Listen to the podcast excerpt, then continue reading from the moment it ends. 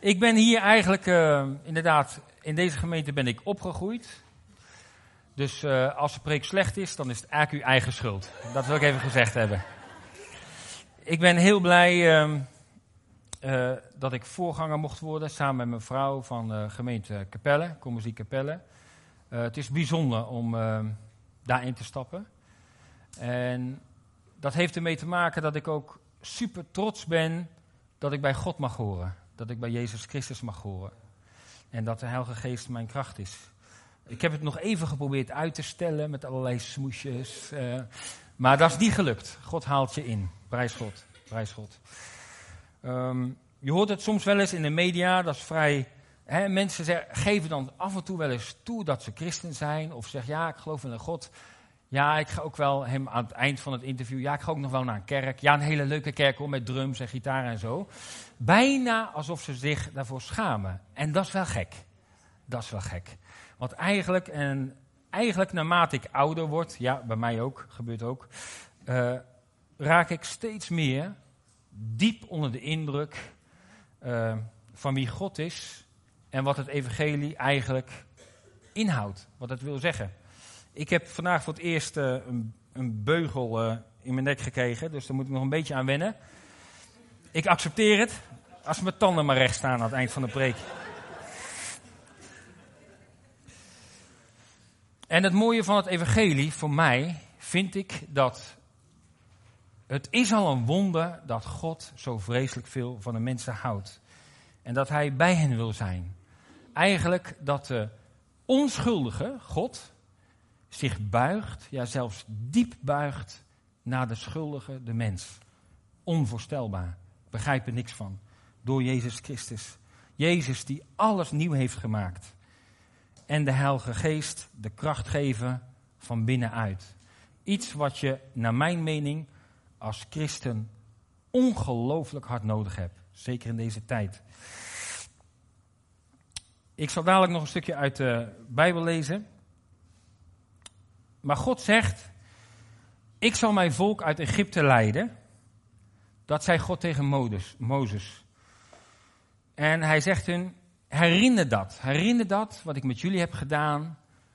Hoe ik jullie uit Egypte heb geleid. Herinner alles wat ik met jullie heb gedaan. En daar wil ik het vandaag even over hebben. Hoe God dat geregeld heeft, hoe God dat bedacht heeft. Ik was heel blij om te horen dat jullie zo hè, gebedsverzoeken kunnen inleveren, dat daarvoor gebeden wordt. En ik wil je ook bemoedigen vandaag, houd moed, houd moed.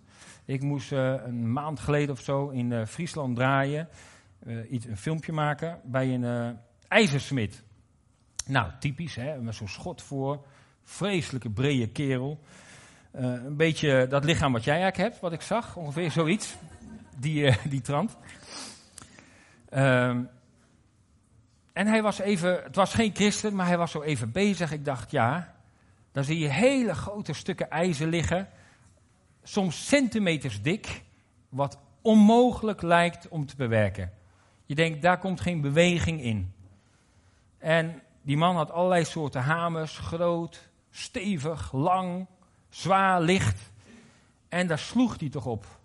Maar één klap per keer. Steeds een klap, steeds een klap. En het was niet zo dat die smid gewoon het uit het vuur haalt, het even neerlegt op dat aanbeeld en een paar klappen geeft. Ah, werkt niet. Werkt niet. Dit metaal is te dik. Dit gaat niet werken. En je zag om hem heen alle metaaldingen, krullen, hekwerk, ongelooflijk hartjes, rondjes, alles kon hij ervan maken. Hij gaf niet op. Hij gaf niet op. Paar klappen, zag je nog niks gebeuren, terug in het vuur, weer een paar klappen, grote hamers, zwaar, sommige hamers waren zo zwaar dat ik ze niet kon optillen. En volgens mij is dat met bidden ook zo. Jij pakt wat bij jou past. De hamer die jij kan hanteren. Het enige wat God vraagt, blijf doorgaan. Blijf steeds overnieuw een klap geven. En het mooie toen ook is, wat die man deed, hij maakt zo'n vuur en dat uh, wordt roodgloeiend. Uh, Eerst duurde dat lang en moest het heel lang in het vuur liggen. Toen zei hij, oh wacht eens even. En hij zet onder dat vuur een grote waaier aan, wat vroeger die blaasgalg was. Hè, dat de zuurstof uh, ingeblazen wordt. En dat vuur werd me daar toch heet. Dat werd me daar toch krachtig. en rood gloeiend. Dat binnen secondes dat dat metaal gewoon rood gloeiend was. Toen dacht ik, die aanjager, die waaier, dat is de Heilige Geest. Die maakt uw gebed krachtig. Omdat u dan bidt in de lijn wat God wilt. Onvoorstelbaar hoe goed het toen ging. Toen hij die waaier aan had gezet. Dus het is echt mijn mening dat we de Heilige Geest zo ontzettend hard nodig hebben in onze wandel als christen. Omdat er hoeft maar één klein beetje geloof te zijn. Er hoeft maar één klein kooltje te zijn. Zet de Heilige Geest ernaast en woef. Ik heb ooit een keer uh, de domme fout gemaakt om uh, na barbecue, ik moest even weg en we moesten, uh, dacht ik nou, een paar uur geleden dat we gebarbecued hebben, ik zuig die kooltjes even op. Ja, nog dommer was dat ik dat in de voortuin deed, dat iedereen het kon zien. En ik dacht, oh, het, is, het meeste was ook echt uit, hè, echt. Maar blijkbaar was er toch nog één klein stukje wat niet helemaal uit was. één klein rood gloeiend dingetje. Ja, in de stofzuiger, dat ging niet goed. Binnen seconden stond die stofzuiger gewoon in lichte laaien. En uh, echt, ik zag het fout gaan en stond ik tussen de rook. Ik keek even snel of de buren nog keken. Maar voordat ik uh, de stekker uit dat stopcontact had getrokken, was uh, einde verhaal voor die stofzuiger. Er hoeft maar een klein stukje geloof in uw gebed te zitten. De Heilige Geest, die jakkert het aan. Dat is de aanjagen. Ik ga even verder, want ik dwaal een beetje af. God was aanwezig bij zijn mensen, al in Egypte, maar ook door die woestijntijd heen. Die tijd van testen en leren, daar was God bij in een kolom van rook en een pilaar van vuur. En God koos een bijzondere manier om bij zijn volk te zijn. Om zijn volk aan zijn aanwezigheid te laten herinneren. Want het vuur op die berg van God, op de Sinaï, toen Mozes de wet kreeg. Met al die restricties, je kon niet zomaar die berg benaderen. Er was een altaar, je moest je wassen, het was een select groepje dat maar naar boven naar de berg van God kon, die het mocht beklimmen. Het was te heilig, te wit.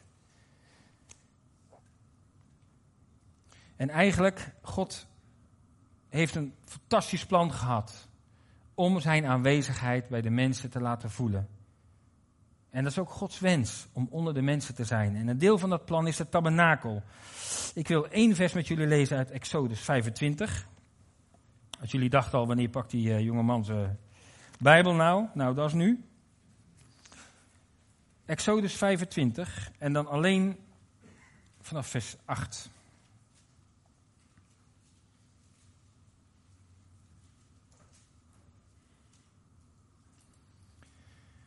Er staat, en zij zullen mij een heiligdom maken en ik zal in hun midden wonen. Mooi dat God dat zegt, hè? Niet ik zal in die tent gaan wonen. Nee, ik ga in hun midden wonen. Gij zult het maken overeenkomstig alles wat ik u toon. Het model van het tabernakel en het model van al zijn gerei. God bepaalt hoe het gemaakt moet worden. De mens maakt het. De mens creëert ruimte voor God. En God in zijn glorie vult dat. En uh, dan moet u zelf maar eens een keer lezen hoe dat helemaal gemaakt wordt. Heel veel hoofdstukken gaan erover in de Bijbel. Dus blijkbaar is dat erg een belangrijk iets. Die aanwezigheid van God, die tabernakel. Exodus 40 vanaf vers 33. Dan is die tabernakel uiteindelijk af. Exodus 40 vanaf 33, het laatste gedeelte van het vers. Zo voleinde Mozes het werk. En de wolk bedekte de tent der samenkomst. En de heerlijkheid des Heren vervulde de tabernakel, zodat Mozes de tent, de samenkomst, niet kon binnengaan, want de wolk rustte daarop. En de heerlijkheid des Heren vervulde de tabernakel. Halleluja. Wanneer de wolk zich verhief van boven de tabernakel, braken de Israëlieten op, al hun, op, op al hun tochten. Maar indien de wolk zich niet verhief, dan braken zij niet op, tot die dag dat zij zich verhief. Want op de tabernakel rustte desdaags de wolk des Heren en des nachts was een vuur in voor de ogen van het gehele huis Israëls, op al zijn tochten. Dus God geeft richting aan zijn volk. Zijn aanwezigheid stuurt ons de goede kant op. En ik moet altijd denken, als je het hebt over vuur, hè, dus God leidt hem door de woestijn in een vuurkolom en ook in een uh, rookkolom. moet ik altijd denken aan het verbond wat uiteindelijk uh, daarvoor Abraham sloot. sloot. Dat eigenlijk God doet een belofte. God wil een pact sluiten met Abraham. We hebben het al een keer over gehad hier. En God zegt: Ik zal je een nieuwe naam geven. Ik zal jou, Abraham, tot een groot volk maken. Ik zal je zegenen en ik zal je land geven. Het enige wat jij moet doen is perfect zijn. Naar mij luisteren. En dan, je weet het, uh, uh, Abraham, moet dan, of uh, Abraham moet dan even kijken, wat was het? Een koe, een geit, een ram, een tottenduif en een duif nemen. Die door midden maar, hakken, eigenlijk, slachten. En dat bloed komt dan midden. En daar moet eigenlijk als eerste God doorheen. Waarmee God zegt, dit is een bloedverbond tussen jou en mij, Abraham. Ik hou me aan mijn woord.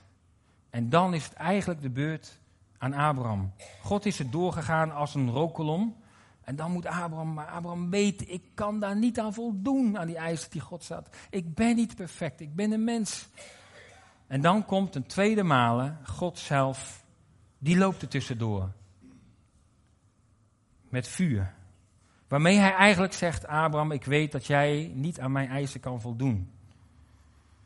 Ik sluit een verbond met jou, een bloedverbond.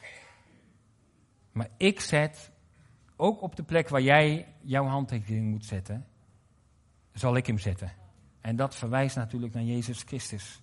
Dat is het mooie van het evangelie. Hij heeft alles gedaan. Christus heeft alles gedaan. God buigt zich diep naar ons toe. God zegt: bouw voor mij een draagbare tabernakel. Een draagbare Sinaï, als het ware. In die tent zal ik komen en onder jullie leven. Wat bijzonder. De tabernakel was super belangrijk voor God en de mens. Want daarbinnen overlapte het hemelse en het aardse elkaar. Daarbinnen is waar de echtgenoot, de bruidegom, leeft. Daarbinnen raakte de hemel de aarde. En hij wil onder ons wonen, dicht bij ons zijn. Dat is zijn verlangen. En dat is nog steeds. Of wat vrije vertaald, als jullie een heiligdom bouwen, dan zal ik bij jullie wonen, in jullie wonen. Dat is intiem. En dan terug naar die berg waar de Mozes die wet kreeg. Dat hele heilige van God, hè, wat zo vol met restricties zat. Je mocht er niet zomaar opkomen.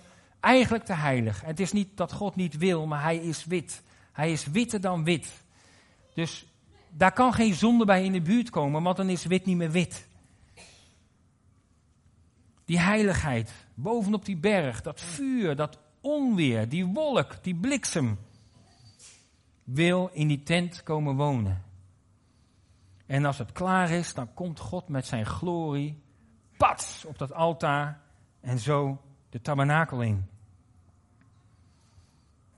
En het is belangrijk. Zijn mijn uh, bijna leeg? Of begeef mij stem het? Nou, we gaan kijken hoe lang het uh, goed gaat. En eigenlijk is het zo belangrijk dat er is eigenlijk die tabernakel is een mini Sinaï. Want aan de voet van de Sinaï bouwden ze een altaar voordat ze naar boven gingen. En zo heb je ook bij de tabernakel aan het begin een altaar staan. Voordat zij die berg opklommen, moesten ze zich wassen. Je hebt ook een waskom in de tabernakel staan. Symbool voor het vuur op het berg. Heb je die menorah, die kandelaar. En dan ga je de tent binnen. En raad is, net zoals op die berg Sinaï, is ook in die tabernakel een wolk, Gods aanwezigheid. En als we dan naar binnen gaan, dan zien we dat God naar beneden is gekomen van de berg. En aanwezig is. En omdat je God met je meedraagt, toen het volk, kan je alles wat je kan ervaren en wat mogelijk is op die berg daar waar God woont, is ook mogelijk bij de tabernakel. Diezelfde kracht. En toen dat eenmaal gebeurd was, verloor eigenlijk die berg van God, de Sinaï, daar hoefden ze nooit meer naar terug. Volgens mij Elia één keer. Maar het volk hoefde er niet meer terug. Waarom? Omdat God woonde onder hen. God gaf een kader voor de bouw en hij woonde onder de mensen. Eigenlijk zei God, dat was de missie die hij gaf op de berg Sinai. God wil een leider van dat volk zijn. Een God, een koning van dat volk zijn. En als jullie aan mij gehoorzamen en doen wat ik wil, als je aan mijn wetten houdt, hè, de tien geboden, dan staat er, dan zullen je uit alle naties een koninkrijk van priesters zijn. Exodus 19 staat dat. En we zien dat tot de, vandaag de dag gesymboliseerd door die gedenkkwastjes die ze dragen aan de hoeken van hun jas. Uit alle naties een koninkrijk van priesters zijn. Een koninkrijk. En wat doen onderdanen van een koning? Die dragen eigenlijk die naam van die koning met zich mee. Waarmee ze zeggen, zoals wij leven, dat krijg je als je die koning van ons kiest. En priesters, vertegenwoordigers. Een koninkrijk van priesters. Dat is de missie die Israël dan krijgt. Om dat te worden. En in dat koninkrijk, daar regeert de koning. Met andere woorden, in dat koninkrijk van God, dat is een koninkrijk waarin de wil van God wordt gedaan. En eigenlijk alles wat die onderdanen doen en denken, moet glorie aan die koning geven. En later heb je nog een heel offersysteem dat bijna in zijn plaats werd in het tabernakel, waardoor ze vergeving van zonde zouden krijgen.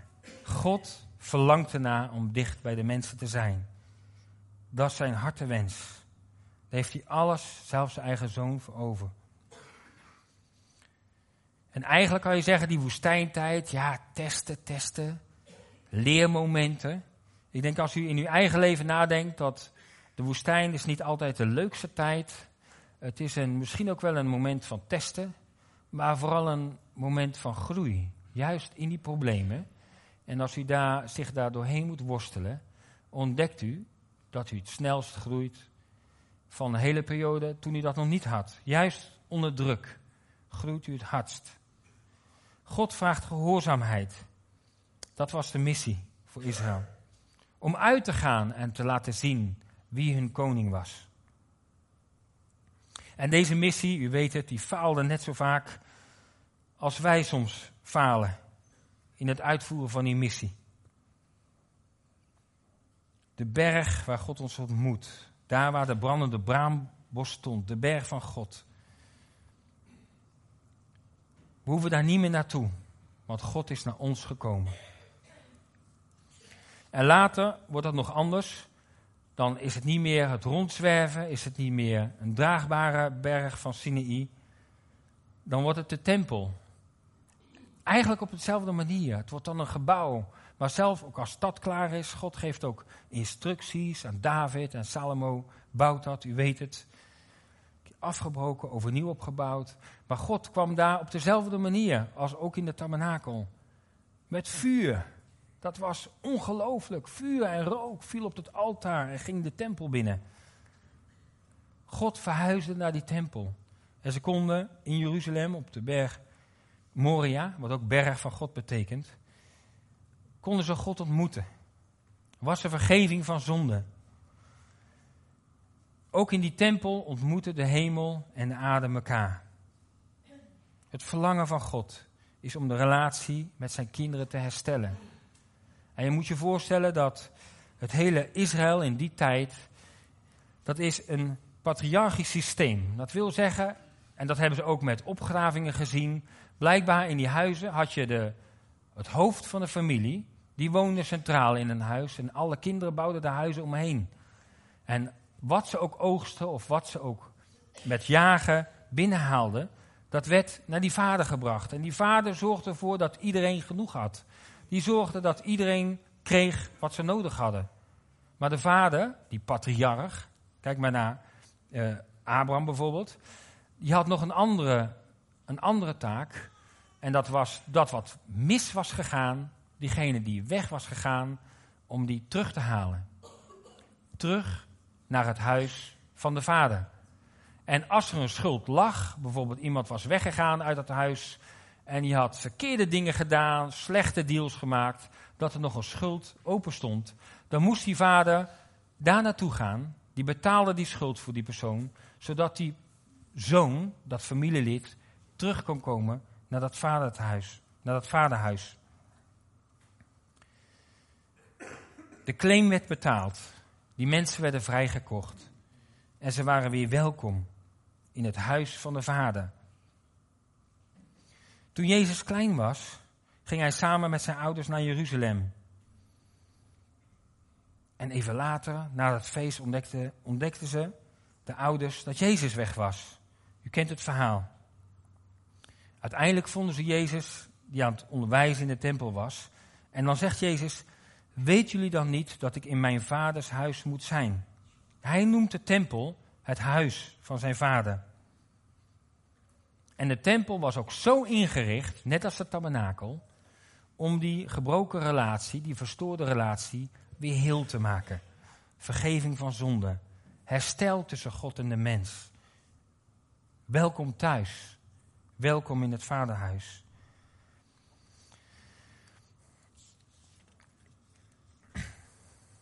En mensen gingen naar die tempel toe en ze hoorden dan uit de mond van de priester: Je zonden zijn je vergeven. Maar dan is God nog steeds niet klaar. God woont dus in die tempel in Jeruzalem. Maar dan op die prachtige Pinksterdag gebeurt er iets wat nog specialer is. God kwam vanaf de hemel naar die berg waar die Mozes de tien geboden gaf. Toen verplaatste zich God dichter, intiemer naar de mensen toe in die tabernakel. Toen, omdat er meer mensen naartoe moesten, naar de tempel. God woonde in die tempel tussen de mensen. En dan komen we bij het einddoel van God. Op die prachtige Pinksterochtend. Wederom, vlammen van vuur. Ze horen windgeruis. En dan verplaatst God zijn adres van de tempel naar de harten van de mens. Dat wordt Gods nieuwe adres. Waardoor Hij letterlijk in u woont. Waardoor, waardoor God altijd bij u is. Wat een bijzondere kracht. Wat een voorrecht. Snappen doe ik het niet. Maar hoe wonderbaar. Je ziet het ook in, in als Jezus zijn bediening ingaat, dat bekende verhaal in uh, Capernaum. Als zij in een huis in Capernaum zijn en vier vrienden willen een zieke vriend van hun bij de voeten van Jezus brengen. Het huis zit vol, ze kunnen er niet in. Ze gaan het dak op, maken een gat in het dak en ze laten zo voor de voeten van Jezus die vriend zakken. En wat Jezus doet, hij geneest die man. Maar daarvoor zegt hij, uw zonden zijn u vergeven.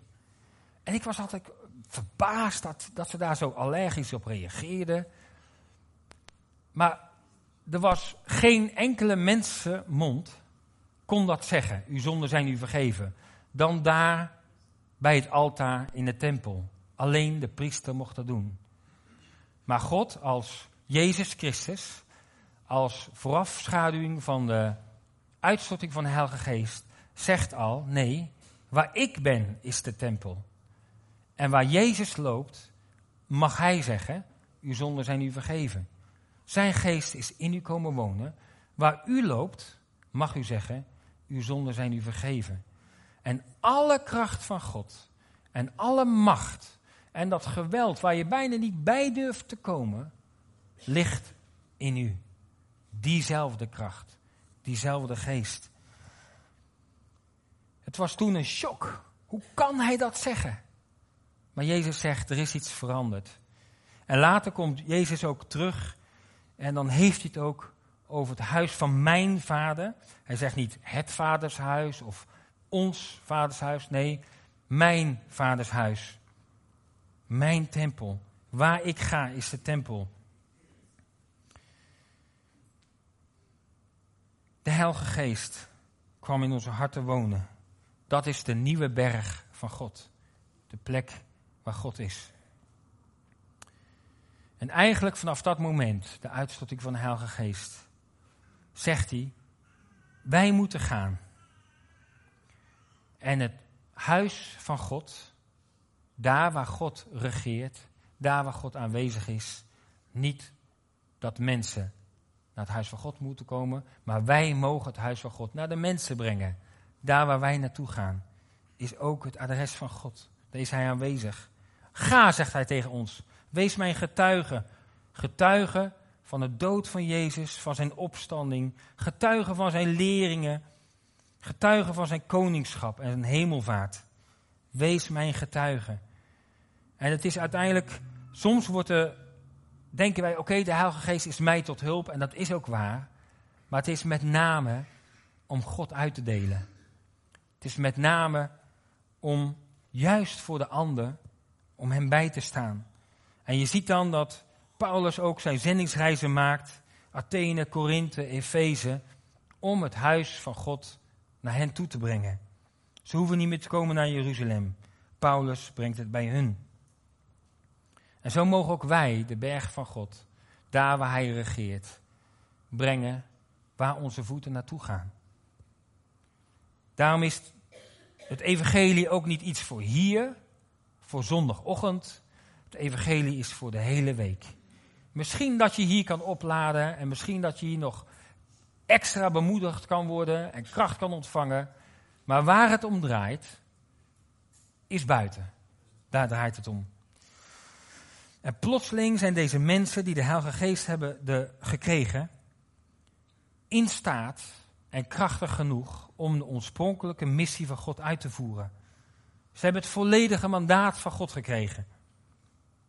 Niet dat ze slimmer zijn of plotseling dapperder, maar ze hebben de Heilige Geest. Ze doen wat God zegt. En omdat de missie van het huis, Gods huis, vanaf het begin al was om de verlorenen terug te roepen, om die gebroken relatie te herstellen, wordt dat ook de missie van de discipelen. Is dat ook onze missie, onze roeping? En eigenlijk, omdat Gods geest in de discipelen woonde, vergaten ze nooit meer die geweldige dingen die hij voor hen had gedaan. Dat blijft bij je. Want eigenlijk toen, hè, toen de tien geboden gegeven werden, als het iets te lang duurde, vergat het volk al gelijk alle weldaden van God. Ging het gelijk al mis op een menselijke manier proberen te onthouden wat God voor je gedaan heeft, valt soms tegen, is soms kort. De geest wakkert dat kooltje aan in je ziel. En daardoor hebben wij een vuur wat niet te doven is in ons. En ik wil eindigen met een tekst uit Johannes 17, vers 26. Waarin staat: ik, Jezus, heb hen, de mensen, uw naam bekendgemaakt. En ik zal hem bekend blijven maken. Opdat de liefde waarmee gij mij heeft liefgehad, de liefde waarmee God Christus heeft liefgehad, in hen zij, in ons zij, en ik in hen, en Christus in ons. Jezus volgen is Jezus laten zien in de wereld. Daar is de Heilige Geest voor nodig. Dat is onze kracht. En het ging in die tijd tegen alle, ja, hoe zeg je dat? Gangbare manieren in, tegen de cultuur in. Want men diende een God en bouwde een tempel. En dat maakte ze tot een geweldige plek. Waar zieken verzorgd konden worden, waar eten was, waar feest was. Ik heb wel van die oude ruïnes bezocht in uh, Libanon. Bij, uh, bij Roet rij je zo omhoog. Baalbek. Heel, heel groot gebeuren. En daarvoor die goden hebben ze tempels gemaakt. Nou, nou, nou. Pilaren staan er nog. Ik denk dat je wel een, een, een man of vijftien nodig hebt om één pilaar te om, omarmen. Zo groot. Maar toen kwam Christus en hij zei: Ik bouw geen tempel op één plek. Ik bouw mijn tempel in de harten van een mens. Dat is waar zijn tempel is. Jezus volgen is Jezus laten zien. Door de week naar mensen luisteren. voor mensen bidden. En dan kan je zeggen, ja, ja, ik ga voor je bidden. Waarom niet op straat? Waarom niet bij de koffie? De Heilige Geest, vraag maar of de Heilige Geest je daarin wil leiden. Daar zit geen einde aan. Dat is geweldig. Dat is fantastisch.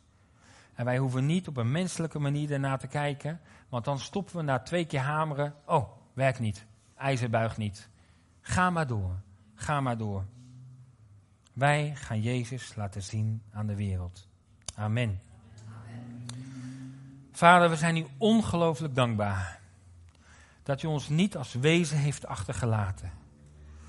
Here, al uw glorie en uw macht heeft u in ons gelegd door uw heilige geest. O Here, wij leven in een maatschappij waar grote nadruk op gemak en comfort ligt, heren. Maar deze ochtend willen we uit die comfortzone stappen, heren. Heren, wij willen als gemeente doen wat u zegt. Heren, wij willen werkelijk doen, heren, wat u ons opdraagt te doen. Ook al betekent dat dat mensen ons eenvoudig vinden. Misschien dat we niet zo slim overkomen voor de wereld. Maar daar gaat het niet om. Heren, wij willen geen goedkeuring van mensen, maar wij willen goedkeuring van u. Daarom, Heilige Geest, dring bij ons aan om de wil van Christus te doen. En dat onze voeten en handen zullen gehoorzamen naar daar waar God ons hebben wil. Heren, wij zoeken niet een werktuig te zijn dat er mooi uitziet voor de wereld. Wij willen geen werktuig zijn als commusie dat er prachtig uitziet voor andere kerken. Maar wij willen een werktuig zijn in Gods handen. Dat als het ware een soort lievelingsgereedschap is. Dat zonder zijn eigen wil te doen, doet wat God wil. Heren, zo erkennen wij, heren, dat wat u van ons vraagt hoger is dan wat wij willen doen. Heren, zelfs boven onze logica uitgaat. Heren, wij willen niet op onszelf bouwen, op ons eigen talent, ons eigen kunnen, nog op onze eigen logica of ons eigen verstand, heren. Heren, maar dat u de gemeente en ieder lid ook deze week daarvoor wil gebruiken. In ontmoetingen op straat. Gewoon bij een bak koffie. Bij bezoekjes aan buren, vrienden, kennissen, familie. Heren, bij ontmoetingen met collega's, heren. Gebruik ons, heren. Ook al vinden we het eng, heren, we willen uitstappen. Want we beseffen dat het vuur wat u in ons heeft gelegd niet te doven is. Wees gezegend met de zegen van God en met zijn vrijmoedigheid en met een afgestemd oor op de Heilige Geest, zodat jullie voeten en handen doen wat Hij wil dat jullie doen. Amen. Amen. Zoals gezegd gaan we ook vanochtend weer met mensen bidden. En ik wil ook, ik zal ook meebidden. Ik wil ook vragen de mensen die normaal ook uh, meebidden om mee te gaan bidden. En het maakt niet uit wie er bidt. Want jullie komen niet naar mensen toe. Jullie komen tot God. En diezelfde kracht is ook hier. Door het gebed. Als u ziek bent of u wil uw hart aan Jezus geven, wil ik u uitnodigen tijdens het lied om naar voren te komen. En wij zullen slag voor slag dat metaal bewerken.